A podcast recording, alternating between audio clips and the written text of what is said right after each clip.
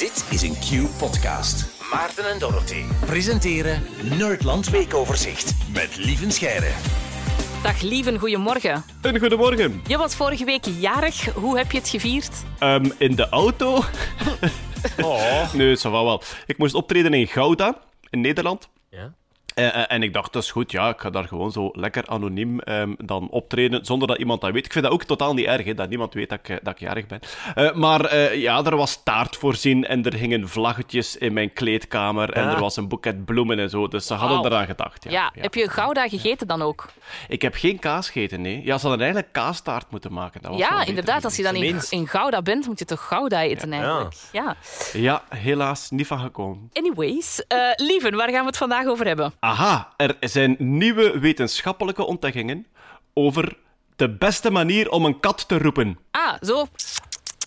Zo heb ik het altijd Ah, geleerd. wel. Of poes, poes, poes, poes, poes, poes, poes. Het is heel raar als je Eh. dat doet en je kijkt naar mij, maar goed, ga verder. Kom ze. Eh, Kom, poes. Ja. Eh, Kom eens weer, mama. En Eh, wa- Kom ze. Ah ja, jongen. Ja, stop, Eh, stop, poes, stop. poes, Ja, poes, dat is echt heel erg. Ja, dat is raar. Maar dus, eh, ja, dat zijn twee methodes, maar het is nu wetenschappelijk onderzocht wat er echt werkt. Ja, en wel, ik zal nog eens, omdat Maarten nu zijn onwennigheid uit hè, voor Ja. uw, uw catcalling. Eh, ik, ben, ik kwam ooit s'avonds laat eh, terug naar huis en ik stap van de bus en ik wandel naar huis door een donkere straat. Maar een beetje voor mij liep er nog een jonge dame op zo'n meter of 30, 40, denk ik. Opeens zie ik een kat in de tuin van een huis waar ik langskom. Dus in al mijn enthousiasme roep ik naar die kat. En ik zie die jonge dame zich omdraaien en nu toch wegspurten van mij. Dus ik heb daar... En die vertelt nu aan haar vriendinnen, ja, lieve Scherre, die heeft ooit een keer zo mij gedaan op straat. Ja, inderdaad. En ik zit daar dan waarschijnlijk over een jaar in de rechtbank. Maar meneer de rechter, er zat een kat in een tuin. Dus eh, ja, je kunt daar maleuren mee meemaken. Ja, ja. Maar eh, om tot de essentie van de zaak te komen. Iedereen eh, ja, die zo een kat wil lokken, die heeft daar zo de eigen methodes voor. Gelukkig zijn er ook wetenschappers, zoals Charlotte de Mouzon van de Paris-Nanterre Université. En die heeft dat wetenschappelijk onderzocht. Die heeft een testsetting gemaakt waar mensen konden in gaan zitten en waar ze ofwel de kat lokten met geluid, ofwel met handgebaren. Want dat ging ik nog vragen, Dorothee. Maakt je er handgebaren bij? Ja, zo met een... Ja. Schuif ik zo wat mijn vingers over elkaar. Zo wat zo, kom, kom, kom. Zo. Maar wij, wij hebben exact dezelfde katlokmethode, Goed, hè? Dorothee. Het, het schept een band. Ja? inderdaad. Maar bij mij was dat ook zo. Met uw duim over uw vingers schuiven Ja. en dan een beetje dat geluid maken. Ik denk dat ze daarop reageren, omdat dat lijkt op ofwel geritsel in het struikgewas. En ehm, die zou misschien wel een muizengeluid kunnen triggeren bij hen. Hè, dat ze daardoor Ja. aandachtig zijn. Zwat, ik ben aan het speculeren. Wie niet speculeert, is Charlotte de Mouzon. Zij heeft dus die setting gemaakt waar dat mensen ofwel een kat lokten met geluid, ofwel met handgebaren, ofwel met alle twee tegelijk. En wat is haar conclusie? Alle twee tegelijk werkt het best. Goed gedaan, Charlotte. Dus inderdaad, gelijk dat jij het doet, Dorothee, zo een beetje met je hand, eh, en, maar dan ook geluid daarbij maken, dat werkt het best. Maar waar waren ze door verrast? Enkel handgebaren werkt beter dan enkel geluid. Dus als je moet kiezen tussen ofwel poes, poes, poes zeggen of met je hand eh, in de richting wapperen, dan gebruik je beter de hand. En wat ontdekten ze ook? Als je de kat compleet negeert, dan wordt ze daar heel ambetant van. Oké. Als de kat binnenkomt in de testruimte en je negeert die compleet, dan wordt hij redelijk gestresseerd en denkt hij: Hallo, it's all about me. En dan wordt hij zo een beetje nerveus. En dus die Charlotte Mouzon heeft dat getest met echt een laboratoriumruimte waar de proefpersonen vaste handelingen moesten doen enzovoort. Dat is vorige week gepubliceerd in het tijdschrift Animal. Onder de prachtige titel, en dit vind ik echte poëzie: Multimodale communicatie in mens-katrelaties, een pilootstudie.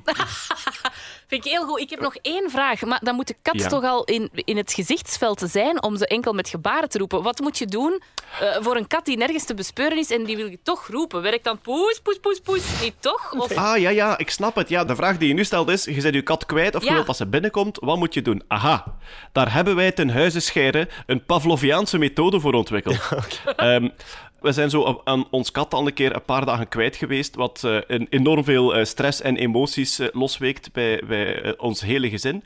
Ja. Dus wat ik iedereen enorm kan aanraden als je een kat hebt, is zorg voor een vast geluid dat je maakt vlak voordat ze hun lievelingseten krijgen.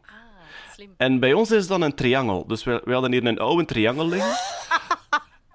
en dus wij staan eigenlijk altijd een beetje jazz-triangel te spelen vlak voordat die hun nat eten krijgen. En het gevolg is, als wij aan ons achterdeur staan en we spelen op die triangel, dan komen die aangestoven. Eh, ook als je ze kwijt bent en je gaat ze zoeken in het park bijvoorbeeld, en je loopt rond met die triangel, dan komen die daarop af. Eerst dachten we, eh, we hebben hier een oude fietsbel liggen, we gaan dat geluid eh, gebruiken. En toen dachten we, dat is geen goed plan. Ah, nee. En nee, elke fietsbel die afgaat op straat, Ja, ja. Ja. hebben die opeens een soort eh, verwilderde kat die achter hen stuift. Ja, nat eten nu. Ja. Maar ik vond het echt superboeiend. Zoveel bijgeleerd. Ik heb nog een kleine toevoeging. Ehm, eh, wat, eh, wat hebben ze ontdekt bij de publicatie van die studie? Eh, het geluid dat wij maken, Dorothee, de is blijkbaar heel typisch Europees vasteland. En in Engeland en Amerika kennen ze dat niet. Daar zeggen ze ps, ps, ps, ps, ps. Maar dus de is, is blijkbaar Frans, Ma. Frans, Belgisch, Nederlands. Ja, dat hebben ze ontdekt tijdens de interviews eh, na die publicatie. Allee. Ja, die vrouw maakte dat geluid en die Amerikanen zeiden: Wow, that's, that's weird. What are you doing? What's En, up, eh, y'all? Ja. ja. Wauw. Allee. Look at this Frenchie calling her cat. Yeehaw. Ehm, Ja. En dan heb ik nog één van mijn favoriete katcommunicatietrucjes. Eh, dat is knipogen. Als je binnenkomt in een ruimte waar een kat ligt en die knipoogt naar u, dan is dat eigenlijk een signaal: ehm, ik ben hier al even en alles is veilig. Dus als jij in een ruimte bent en je kat komt binnen, dan gaat hij eerst zo met grote ogen overal rondkijken. Is hier gevaar? Als je dan naar je kat kijkt en knipoogt, dan gaat hij relaxeren. En dan vertrouwt hij u. Ah ja, en heb je dat En- ook gedaan toen s'nachts op straat zo geknipt was? ja, ja, ik wou even... Rustig, juffrouw, er is hier niks aan de hand. We zijn een triangel op straat achter die vrouw aan het lopen. Ja. Helemaal in paniek. Ja, voilà. En ook als je samen met een kat ergens zijt en je kijkt die eh, in de ogen en je doet langzaam je ogen dicht en terug open, dan eh, wordt die ook heel rustig. Dat is een teken aan een kat van, eh, we zijn chill. Oké, kijk eens. Ja, we blijven bijleren. Hij- stopt niet. Ik ben blij dat ik, eh, dat ik Vlaanderen terug leer praten met hun, eh, met hun katten eigenlijk, ja. Ja, ik, eh, we zouden een aparte podcast ku- kunnen maken. Het Poesland eh, weekoverzicht of zo. Dat is misschien ook nog tof. Zeker. En er zijn zelfs eh, verschillende boeken uit, zelfs in het Nederlands, over hoe communiceerde met een kat, wat vinden ze tof en wat vinden ze niet tof. Dus mensen die een betere band willen met hun poesje, die kunnen eh, zo een boek lezen en dan eigenlijk eh, ja, eh, leren omgaan met je eigen kat. Ja. Echt een heel vakgebied op zichzelf. Zeer boeiend. Dat is Dank zo. u wel, lieve Scheire. Met plezier. Dit was een podcast van Q-Music. Wil je meer? Wil je meer? Kijk op qmusic.be.